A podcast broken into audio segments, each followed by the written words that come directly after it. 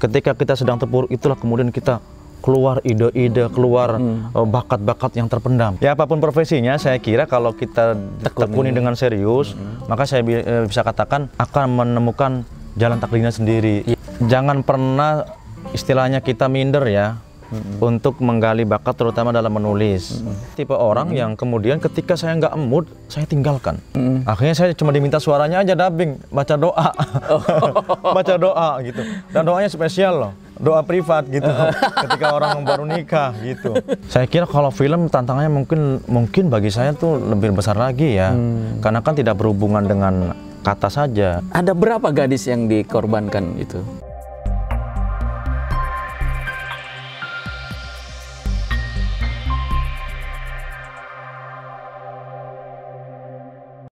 Sebelum lanjut nonton video ini, jangan lupa tekan tombol subscribe, nyalakan lonceng, like, dan share. Selamat menonton! Nah, eh, Mas Ali, sebenarnya kan eh, kemampuan menulis setiap orang bisa. Bisa tentu. Tapi kenapa nggak semua orang kemudian bisa mengarang ya? Menurut Anda gimana itu? Kalau menurut saya sih semua orang itu bisa bakat menulis ya. Punya. Bagi- punya bakat Dasarnya menulis. ada. Dasarnya ada. Tapi itu. Tapi kan tergantung bagaimana dia mengungkapkan enggak ini bakatnya itu. Mm. Caranya itu memang kita bangunlah motivasinya, bangunlah eh, istilahnya eh, apa spiritnya, spirit bagaimana dia berkaryanya gitu. tapi tadi eh, Anda mengatakan bahwa sebenarnya sebelum Anda menulis baiknya Anda membaca gitu. Betul, Maksudnya betul. tujuannya apa itu? Karena gini, seorang penulis itu kalau ingin cakrawalanya atau pengetahuannya luas, dia bagaimanapun harus eh, dapat sebuah referensi, Hmm. referensi dari pengarang lain. Iya, iya. Bisa saya katakan bahwa tidak akan penulis itu tidak akan sempurna bagi bagi saya gitu ya. Kalau dia tidak kemudian menikmati atau membaca karangan orang. Mm-mm. Karena di situ kita akan menemukan banyak sekali referensi, banyak sekali istilahnya komparasi paling tidak gitu. Dan ketika kita menuliskan tentunya kan sudah punya bayangan. Ya. Oh, tulisan novel ini tuh seperti ini ya. Kayaknya saya pengen dibuat kayak ini gitu. Oke, oke. Mau nggak mau harus membaca sih. Jadi sebenarnya gitu. kerangkanya harus udah ada harusnya. udah ya. ada. Sekarang bagaimana orang yang kan problem kita sekarang ini kan orang malas membaca misalkan. Jangankan baca buku segini yang tipis aja udah malas. Ya. Kita gadgetan aja gitu. Kalau menurut saya sih sumber bacaan dari mana saja ya. Ya, yang ya, penting ya, itu ya. sebuah informasi, kemudian itu sebuah pengetahuan yang orang bisa kembangkan melalui bakat menulisnya Iya. gitu. Eh, teman saya juga ada dia baru lihat tebelnya aja udah ngantuk dia belum baca itu. Makanya saya telah nulis novel lumayan-lumayan tipis ya karena mengikuti tren masa kini. terus terus gini mas, eh, sebenarnya ada yang mengatakan bahwa yang penulis itu romantis. Kalau Mas Ali romantis nggak sih? ya bisa dikatakan orang mungkin melihat saya dari sisi luar cutek gitu ya, bete gitu. Ya kalau saya romantis gitu. Kata istrinya. Ya romantis. Kayaknya nanya ke istri saya. Katanya eh, orang orang penulis itu rata-rata gitu kalau sudah eh, bikin tulisan itu bisa bisa membuat eh, hati gadis lumer katanya gitu. ya bisa dikatakan seperti itu, tapi lagi-lagi memang kita kan kalau perasaan ungkapan kita yang kita itu paling paling asik saya memang saya tuangkan di tulisan. Tulisan ya. Oh, kadang-kadang kalau langsung malah saya grogi, grogi gitu. Oke, Kadang-kadang kalau itu. kalau ini ada berapa gadis yang dikorbankan itu? Kembangan apa? Kegombalannya itu. ya enggak juga sih sebenarnya. Enggak juga. Eh, kita kan dalam apa merangkai kata itu sebenarnya kan memang inspirasinya bagaimanapun juga adalah pasangan ya, pasangan. Kemudian yang kedua bagaimanapun juga spirit untuk membuat kata-kata romantisme itu ya. Yang jomblo-jomblo misalnya gitu enggak enggak juga pasangan juga mungkin dia bisa apa ya? Ya itu tadi saya bilang membaca buku yang lebih romantis lagi, buku-buku yang novel yang romantis, yang dramanya kuat, love story-nya kuat gitu. Nah dia akan terbangun itu gitu. Dia merasakan aja gitu. Kalau saya seperti ini, oh kayak gini ya gitu. Kalau saya seperti ini, oh seperti ini gitu. Ada yang mengatakan Mas bahwa sebenarnya untuk ke dapat masuk dapat ruh sebuah tulisan itu dia eh, cenderung apa eh, apa membuat sakit dirinya gitu loh. Kalau misalkan dalam eh, tadi adegan romantis dia ditolak misalkan sama sama pacarnya atau di ini Oh, oh. kayak gitu. Betul nggak sih? Ya mungkin untuk penajamannya saya kira perasaan kita ini memang tidak bisa dibohongin ya. Hmm. Kalau kita misalkan ada seseorang yang ditolak kemudian ingin tuangkan ke dalam tulisan memang lebih tajam sih daripada orang yang tidak pernah jatuh cinta misalkan. Hmm. Iya, iya. Atau orang yang tidak pernah mengenal cinta bahkan gitu. Biasa-biasa aja. Biasanya akan akan lebih repot ya untuk masuk ke dalam hal-hal yang eh, yang sisi romantisnya. Justru katanya Gitu. kalau eh, kegagalan dalam eh, apa urusan bercinta ini adalah ide yang sangat ini buat penulis. Saya sih nggak ngarapin semua anak generasi muda gagal cinta ya. Jadi paling enggak Jangan gini. selalu dijadikan alasan Jangan itu. jadi alasan lah Jadi gitu ada ya. banyak sebenarnya. Ada ide. banyak sebenarnya, cuman memang kadang-kadang sering diartikan ketika kita sedang terpuruk itulah. Ini saya seperti ungkapan yang ada di novel Panderwich misalkan. Ketika kita sedang terpuruk itulah kemudian kita keluar ide-ide, keluar eh, bakat-bakat yang terpendam gitu. Hmm. Nah, ya bisa juga dikatakan seperti itu kalau bagi orang yang selalu mengharapkan idenya dari keterpurukan dia. Tapi bagi saya tidak. Kondisi apa pun itu bagi saya adalah yang penting kita menjiwai, meresapi. Makanya kan perasaan kita penting gitu. Terus waktu ini Mas, eh, ketika Anda dapat tawaran eh, novel ini akan difilmkan. Ah, ah. Itu waktu itu bagaimana eh, eh, perasaan Anda sendiri? Ya saya alhamdulillah bersyukur kemudian bahagia lah. Karena memang sebelumnya eh, novel ini kan saya dengan Mas Hanung komunikasi itu sudah lama ya, sudah lama gitu. Saya sempat bantu-bantu beliau juga waktu itu dan sudah ya ik- ikut ikut nimbrung dengan beliau lah dengan Mas Hanung ya waktu itu. Dari 2010 kalau nggak salah saya waktu itu. Kemudian kenal beliau, saya mendapatkan banyak inspirasi dari karya-karyanya. Dan saya sampaikan karya-karya saya dan alhamdulillah ketemu waktunya waktu itu Mas Hanung bersedia, artinya pengen nih. Waktu itu saya di teleponnya, saya ingat banget di telepon, Mas eh, yang tentang cerita tentang Mekah dan Haji itu masih masih ready ya? Masih ya aku bilang. Oke deh, aku tertarik nih. Aku dipanggil ke kantor ya waktu itu diskusi ya dengan tim-timnya, saya sampaikan gitu alurnya. Akhirnya diproduksi lah oleh MD MD eh, Pak Pisters ya dengan dapur film. Dapur film kan punya Mas Hanung gitu Ya, ya, ya. ya. Mas Mas Hanung gitu. Ya bagi saya sesuatu yang apa ya sesuatu yang menggembirakan ya tentu saja gitu karena saya bilang tadi ini adalah karya novel saya yang baru masuk bioskop gitu. Yang lain-lainnya kan ya inspirasi inspirasi, inspirasi untuk cerita-cerita film pendek mungkin ya nggak bioskop gitu. Waktu itu eh, sampai berapa ini eh, viewer penonton Mas? Kemudian kebetulan kita diputar tuh kemarin 2020. Mm-mm. Pas banget waktu itu memang Maret ya, Ma- eh, Februari, kemudian langsung Maret itu kan pandemi, Iya, kita lagi iya, iya, rame-rame. Itu juga Jadi kita terpotong lagi ya. promo di Jogja dan Solo waktu itu mau Jogja ke Solo, eh, ada aturan bahwa bioskop itu tidak apa tidak Tidak boleh. tidak boleh gitu ada aturan Pemda. Tapi sempat penontonnya kalau sekitar hampir eh, 400 ribu atau 300 ribu gitu ya. Atau eh, saya kurang update kurang update ininya Ya. yang terbarunya nih. Karena kan habis itu kita pending kemudian dimasukkan ke eh, ne- kayak view gitu, aplikasi gitu ya. Ya, ya, ya. Kemudian kalau penghargaan sih alhamdulillah waktu itu kita novel Mekayam Coming ini, eh, film Mekayam Coming ini mendapatkan beberapa penghargaan gitu. Termasuk di JEF, Ja- Ja- eh, Jogja Asian Festival Film kita masuk nominasi, kemudian di Festival Film Bandung kita masuk nominasi. Kemarin juga saya eh, dapat informasi dari teman menjadi film film pilihan majalah Tempo. Majalah Tempo Film pilihan. film pilihan edisi majalah Tempo. Kayaknya Tempo yang terbaru deh, Tempo yang terbaru majalah Tempo gitu. Jadi ada kemudian ada juga yang dari beberapa komunitas film dikatakan sebagai mendapat apresiasi film drama komedi eh, apa terfavorit 2020. Komedi. maksudnya. Drama komedi. Drama komedi. Makanya saya bilang tadi ada komedinya. Dan film menghibur Ya. 2020. Artinya alhamdulillah apresiasi dari teman-teman ya terhadap novel Mekahayam kami eh, film Mekahayam kami ini dan novelnya ini saya merasa ber- bersyukur gitu. Terlepas daripada di masa pandemi ini memang kita semua kena dampaknya. Eh, sekarang pandangan Anda terhadap eh, profesi eh, sebagai penulis maupun uh, filmmaker sebenarnya menjanjikan nggak sih, Mas? Bisa dikatakan gimana ya?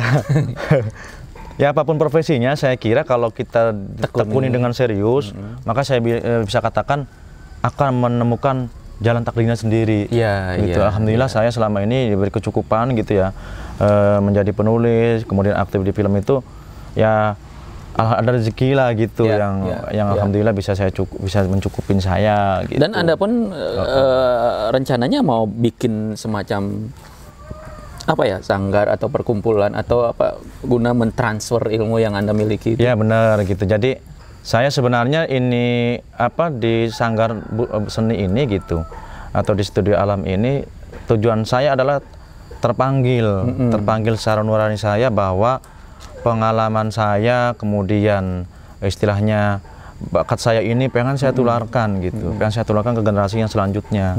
Agar eh, dalam tanda kutip eh, terutama di Purwakarta ini lahirlah penulis-penulis baru. Ya saya sudah mencoba misalkan ada salah satu eh, siswa ya di SMA Bung Sari kan? Itu kita ajarin juga bagaimana trik menulis bagian yang awalnya dia tidak tahu kemudian tidak j- bukan tidak tahu lagi dia tidak tidak Awam bahkan ya? awam banget gitu awam banget ya dia untuk mengenal dunia terus menulis saya ajarin pelan-pelan kita ma- kasih motivasi kita arahkan sedikit-sedikit. Dan alhamdulillah menghasilkan sebuah novel gitu menghasilkan ini kalau nggak salah kita waktu itu bimbingan dua bulan ya dua bulanan gitu dua bulanan menjadi sebuah novel. Saya karena saya bilang kalau kamu mempunyai karya maka kamu akan berbeda dengan Ya. yang lainnya. Ya. gitu. Paling Maka- tidak saya bilang berbeda di kelasmu. Di kelasmu eh, minimal berbeda. Dan kalau kamu punya karya pasti guru-guru kamu teman-teman dekat kamu melihat kamu juga sesuatu eh, yang berbeda. Ya, ya, ya, gitu. betul. jadi berbeda dengan orang yang tidak punya karya saya bilang gitu Makanya alhamdulillah terlahirnya buku novel ini punya Mas Hakam ya ini Sudah ada berapa eh, yang Anda mentor kemudian punya bukunya ada ada berapa sih apa orang? Kalau di Purwakarta memang karena saya juga baru mengenal Baru komunitas ya, Mas baru. Mas Hakam ya. Di baru tempat Mas lain, di Hakam. lain? Hmm. Kalau di tempat lain alhamdulillah sih ada ya, di Cirebon, kemudian di beberapa daerah lah ya. Karena kan saya kita juga tergabung dalam komunitas misalkan eh, di waktu itu Backcraft ya, Ba- Badan Ekonomi Kreatif Hmm. Ya, Badan Ekonomi membuat sebuah program namanya Entrepreneur. Hmm. Di situ itu beberapa penulis ada Ya ya ya. kita saling support, saling motivasi. Hmm. Saya juga sering istilahnya sharing dengan teman-teman di uh, entrepreneur itu. Hmm. Nah, teman-teman entrepreneur ini kan dari beberapa daerah, Mm-mm. dari segala macam daerah gitu, Hmm. terkumpul. Jadi alhamdulillah kita saling sharing, saling Hmm. tukar pengalaman, saling motivasi dan pada lahirlah penulis-penulis baru gitu. Hmm, Uh, ya, uh. ya, ya. Nah, sekarang eh, untuk yang yang mau, ya, yang- kemudian yang bercita-cita, kemudian baru memulai, saran Anda seperti apa? Ya Apa yang harus dilakukan? Kalau jangan pernah istilahnya kita minder ya untuk menggali bakat terutama dalam menulis. Karena memang menulis ini sebuah kalau bagi saya kebutuhan, kebutuhan kita. Bagi yang mau mulain, bagi yang pengen berkembang, kemudian pengen menemukan wadahnya, kita juga memfasilitasi. Alhamdulillah di sini silakan dipakai teman-teman semuanya. Nanti kita datangkan mentor-mentor atau datangkan istilahnya eh, ya motivator-motivator menulisnya ya, lah. ya, Saya ya, sendiri insya Allah kalau ada kesempatan dengan teman-teman, insya Allah bisa saling eh, belajar lah gitu. Kalau dari tadi eh, dari awal Anda bercerita, sepertinya semuanya eh, nyaman aja tuh, nggak ada nggak ada ininya, eh, Hala- apa, nggak ada rintangan? rintangannya. ada nggak sih sebenarnya? Pasti ada dong. Pasti ada. Dari dari mana itu rintangan yang paling Kalau besar? saya sih terutama ya banyak godaan menulis itu ya dari kadang-kadang kita sering ganggu kan kita menulis Malas. malas gitu. Kemudian yang kedua kadang-kadang kan ada orang yang teman kita mungkin orang terdekat kita menyampaikan apa sih gunanya menulis? Dapat apa sih? Gitu. Apa sih yang dibanggakan? Gitu kadang-kadang. Karena kadang-kadang orang lain kan menilai sesuatu dengan mungkin materi. Kalau jadi penulis teh Jadi Anda sempat terganggu juga oleh itu. Ya kalau bagi saya sih waktu itu saya jadikan motivasi saja gitu, jadikan motivasi. Memang rintangannya banyak ya ketika kita sedang menulis ada aja godaan mau ke mana gitu atau mau apa melakukan aktivitas lain. Tapi selalu saya, saya selalu mengatakan kepada teman-teman terutama juga waktu itu saya bimbing Mas Hakam, saya bilang seorang penulis selain diberi kemampuan untuk merangkai kata, dia juga dilatih bagaimana bisa manajemen waktu. Oke. Artinya kapan kita harus break, kapan Jadi dalam disiplin ilmu apa pun sebenarnya. tiap apa pun. Yang namanya disiplin Saya termasuk itu orang ya. tipe orang Pak ya, tipe orang yang kemudian ketika saya nggak mood, saya tinggalkan. Oh gitu. Dalam arti contoh kecilnya, ketika saya sedang nulis ngetik misalkan, kemudian ada tolong misalnya tamu lah atau ada ada eh, aktivitas lain Ya. lah yang mungkin bagi saya mengganggu gitu, ya saya tinggalkan. Berhenti dulu. Saya berhenti. Saya akan tidak Sebab? melanjutkan. Sebab nanti karya kita nggak orisinil banget karya anunya, terpaksa lah gitu. Hmm, tidak mengalir dari tidak hati. mengalir dari hati terpaksa jadi saya selalu hentikan selalu saya tandain next gitu misalkan Oke. ini gitu ya, di Ya, sebuah ya, bab ya, itu ya. begitupun mungkin ketika kita sudah punya niatan misalnya sehari ini oh saya mau nulis nih tiba-tiba ada aja temen yang ngajak misalkan ayo kita nonton Hmm. Ya, dong mm-mm. ayo kita ke mana dong ya saya break saya break Oke. saya break pokoknya total saya break kadang-kadang saya break saya itu bisa dikatakan lama juga tapi kan saya pakai target gitu contoh misalkan Mm. Ya. Merayam Coming 20 hari saya harus menyelesaikan Oke. saya Oke, terus oke. gitu Lalu ini Mas, eh, ada yang terlewati tadi. Oh, oh. Saya tadi mengatakan bahwa Anda juga seorang asisten sutradara. ya Kok bisa gitu loh? Dari seorang penulis kemudian jadi asisten. Kapan itu berlangsung? dulu sih sebenarnya kenapa saya masuk Atau ke jangan-jangan tersesat juga di jalan yang Oh, benar? itu saya bilang kak tadi. saya kan awalnya dari penulis, ya hobi nulis, kemudian kan ditakdirkan waktu itu ketemu dengan Mas Hanung tahun 2010. Akhirnya Mas Hanung waktu itu mau bikin sebuah film. Saya diminta udah bantu saya nyari data, nyari riset untuk bikin skenario skrip. Saya waktu datang dipanggil Mas Hanung memang dikasihnya langsung skenario ya. Oh. Kamu belajar ini nih. Saya oh, ingat banget tuh. Kalau kalau nggak salah filmnya itu tanda tanya waktu itu. Hmm. Tanda saya baca gitu ya dipelajarin sama dia. Kemudian saya sering tanya teman-teman yang ada di sana apa sih ini maksud dari eh, kode-kode ini gitu. Dari itulah kemudian saya sampai sekarang eh, motivasi penulis saya filmkan. Oh, eh, sebenarnya kan sutradara tidak tidak begitu gampang menyerahkan eh, kepada seseorang Ya. itu. Nah, seberapa dekat Anda dengan Mas Hanung? Ya kalau dibilang deket sih saya alhamdulillah sampai saat ini persahabatan pertemanan saya silaturahim saya dengan beliau dengan Mas Hanung terutama itu masih terjalin bahkan saya sering komunikasi saat Ketika eh, sebelum Anda ditunjuk jadi asisten, Mhm. Anda memang sudah lama kenal beliau. enggak enggak jadi saya sebelumnya kan tidak mengenal gitu hanya ya kenal saya kenal tapi mungkin Mas Hanung nggak kenal saya. Oh. waktu itu dipertemukan di suatu acara gitu. Suatu acara kemudian saya dipanggil ke kantornya. Waktu itu memang saya ketemu acara ngobrol sedikit lah. Akhirnya saya minta ko- saling kontak sama beliau gitu. Kemudian saya diminta ke kantornya waktu itu saya ingat Oke. banget. ke kantornya kemudian bisa nggak mas nih anu, skenario seperti ini? Waktu itu dianukan kemudian dikasih tahu. Habis itu saya pengen bikin film nih tentang tokoh waktu itu waktu itu juga ada sampai cerah ya ke bikin sebuah film tentang tokoh, Mas kita saya minta untuk uh, mengumpul data dan risetnya. Ada beberapa teman lah waktu itu saya diminta saya. Oh teman-teman iya gitu. iya dari situ. Saya kemudian. riset lah dengan teman-teman itu. Saya waktu itu ada dua uh, teman lagi saya tuh riset laporkan ke Mas Hanung, kita bedah gitu ya. Selalu sharing gitu. Dari dari tidak terlepas pada job job ini saja maksud Ya, saya. ya, Jadi di luar itu juga kita saya care juga kalau ada istilahnya ada waktu saya silaturahmi, kemudian saya belajar dikit-dikit pengalamannya gitu. Untuk sekarang eh, apa sudah ada yang ingin dibukukan lagi novel? Sudah ada beberapa yang sudah saya tulis ya di komputer alhamdulillah sudah tinggal mungkin finishing lah. Tinggal finishing gitu. Dan mudah-mudahan ya tahun ini sih saya berharapnya ada karya saya sa- yang yang muncul lah gitu. Biasanya dalam dalam eh, inspirasi atau apa itu kita selalu punya ada apa eh, terpengaruh oleh oleh seseorang. Dalam Mas Ali sendiri siapa yang paling paling mempengaruhi karir Mas Ali ini? Ya tentu saja kalau bicara pengaruh karir kita tidak terlepaskan dari keluarga kita ya. Keluarga. Terutama Bapak. i- bapak, ibu ya, doa ibu juga terus kemudian istri kita, pasangan hidup kita, keluarga kita gitu. Karena mereka bagaimanapun adalah motivasi yang selalu Ya. hadir gitu. Ya. Tanpa Saya sendiri- dukungan mereka juga kita tidak akan bisa Jadi berkarya. agak agak ini karena semuanya berjalan eh, peri-peri koloso, sangat nyaman sekali. Bapaknya tidak menentang, kemudian ibunya mendoakan, Ya. saudara-saudaranya eh, is okay gitu kan. Jadi fine-fine aja nampaknya Ya. semuanya. Alhamdulillah Kayak gitu. gitu. Mm-mm. Ya, eh, tadi sudah tentang eh, buku-buku. Mudah-mudahan, apalagi setelah ini eh, project yang anda ini kan. Saya sebenarnya tahun ini mudah-mudahan pandemi juga berakhir ya. Kemarin memang sempat di WhatsApp oleh Pak Chan Parwes ya bahwa minta tolong bahwa Oh, sudah Chan ada Parwes- lagi?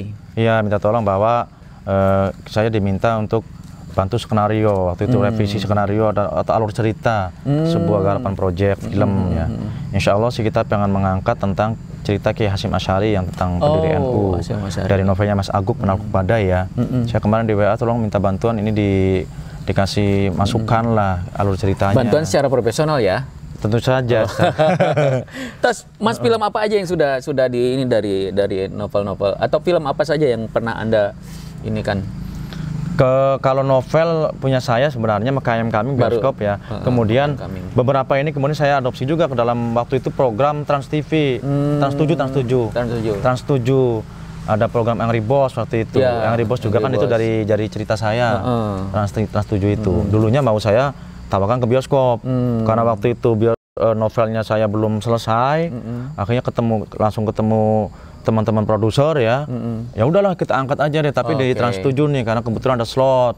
Oke. Ya, dibikinlah sitkom waktu itu Trans Oh, 7. sitkom. Eh, Iya, iya. Beberapa yang dari novel saya yang lain per bab itu saya juga diminta oleh teman-teman saudara ya karena kebetulan saya kenal bisa nggak mas ngisi mas di, di program cermin kehidupan waktu itu Hmm. yang punya Trans 7 juga jadi cerita-cerita hikmah gitu Hmm, kan film-film kayak FTV lah gitu saya juga ngirimkan beberapa gitu Oke. Heeh. Berarti eh, yang film layar lebar baru Mekayam Kayak Kaming ya. ya. Yang lainnya sih saya ngangkat sebenarnya bukan karya saya tapi saya mengini me- apa membantu pro- prosesnya. Dalam arti saya arti kata saya yang membuat project dan agensinya. Kalau dari eh, eh, apa kalau kesulitan dari novel tadi kan gitu menghilangkan rasa malas kemudian kalau di film kesulitannya apa itu? Saya kira kalau film tantangannya mungkin mungkin bagi saya tuh lebih besar lagi ya. Karena kan tidak berhubungan dengan kata saja, tidak naskah saja, tidak draft aja Iya. gitu. Karena di film itu kan kalau bisa saya katakan sebelum kita produksi film itu pertama kita ada namanya praproduksi. Mm, ya, praproduksi itu termasuk kita bagaimana menyiapkan naskah novelnya, tim naskahnya, tim skrip skripnya. Setelah terbentuk tim skrip, kita reading, nanti casting Iya, dulu pemainnya, casting itu pemain, reading dulu iya, gitu. iya. Kemudian ada yang fitting lokasi dan Iya, iya, sebagainya. iya, betul, betul. Dan tantangannya mungkin bagi saya, bagi saya ya, saya nilai itu berat juga. Ketika teman-teman sineas mungkin yang sedang produksi mengalami tantangan di lapangan, karena bagi seorang saudara mungkin yang sudah biasa di lapangan istilahnya, ya kita akan jalan aja nih seperti target. Tentunya di lapangan itu nggak nggak Ya. nggak kita sangka-sangka juga. Contoh mau syuting kita suasananya misalkan panas tiba-tiba hujan Ya betul betul. atau eh, mau hujan tiba-tiba panas atau kadang-kadang lagi syuting datanglah rame Iya, Nah, iya, itu kan iya, meng- betul. menurut saya tantangan yang Terus luar gini, biasa. Mas. Mm-mm. Kalau ada yang misalkan ingin anda eh, di novel novel anda ini yang selanjutnya misalkan eh, seperti siapa itu Eh, anda harus main di sini mau diterima nggak? siapa tuh Kalau anda harus memerankan tokohnya. oh di sini Heeh. ya nggak apa-apa sih mikir kan sendiri. saya terus Kalau terang. jadi jadi jadi bintang film siap nggak gitu? ada terus be- beberapa teman-teman saya juga waktu itu yang ini juga apa mainnya saya kan pernah waktu itu produksi Air Mata Surga ya dengan Mas Hestu yang saudaranya kawan dekat saya juga. Waktu itu saya juga sebenarnya ada eh, teman-teman tuh udah kamu main aja eh, ngisi-ngisi cameo-cameo gitu ini. Saya bilang "Oh, enggak ah gitu. Akhirnya saya cuma diminta suaranya aja dubbing baca doa. Baca doa gitu. Dan doanya spesial loh. Doa privat gitu. Ketika orang baru nikah gitu. Jadi itu yang pengalaman saya juga dekat berapa kali gitu ya. Mm. Anda Kalau- diminta mengisi voice overnya untuk Eh, eh, untuk doa Niat doa- eh, doanya itu doa yang privasi bagi saya dan saya kan diikat berapa kali waktu itu sama produk sama Berapa kali saudaranya. Iya berapa kali. Kata di kurang menjiwai, kurang menjiwai. Saya bilang saya kalau doanya doa yang umum insya Allah menjiwai tapi ini doanya privasi itu pengalaman lucu juga jadi saya sebenarnya tidak terlalu muluk-muluk bahwa saya harus jadi pemain harus ini enggak karena saya saya katakan bahwa setiap orang tuh punya profesi. Hmm. Kedua, janganlah kita borong semua proyek.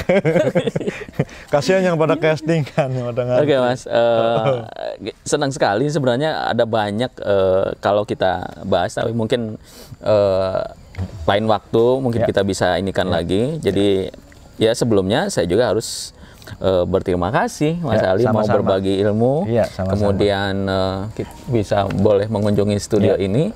Mudah-mudahan apa yang kita bicarakan tadi bisa uh, menginspirasi, kemudian memutuskan apakah Anda ingin menjadi penulis atau profesi yang lain. Karena ada banyak jalan sebenarnya untuk menjadi baik itu. Sampai ketemu di lain episode. Pamit. Assalamualaikum warahmatullahi wabarakatuh. Salam.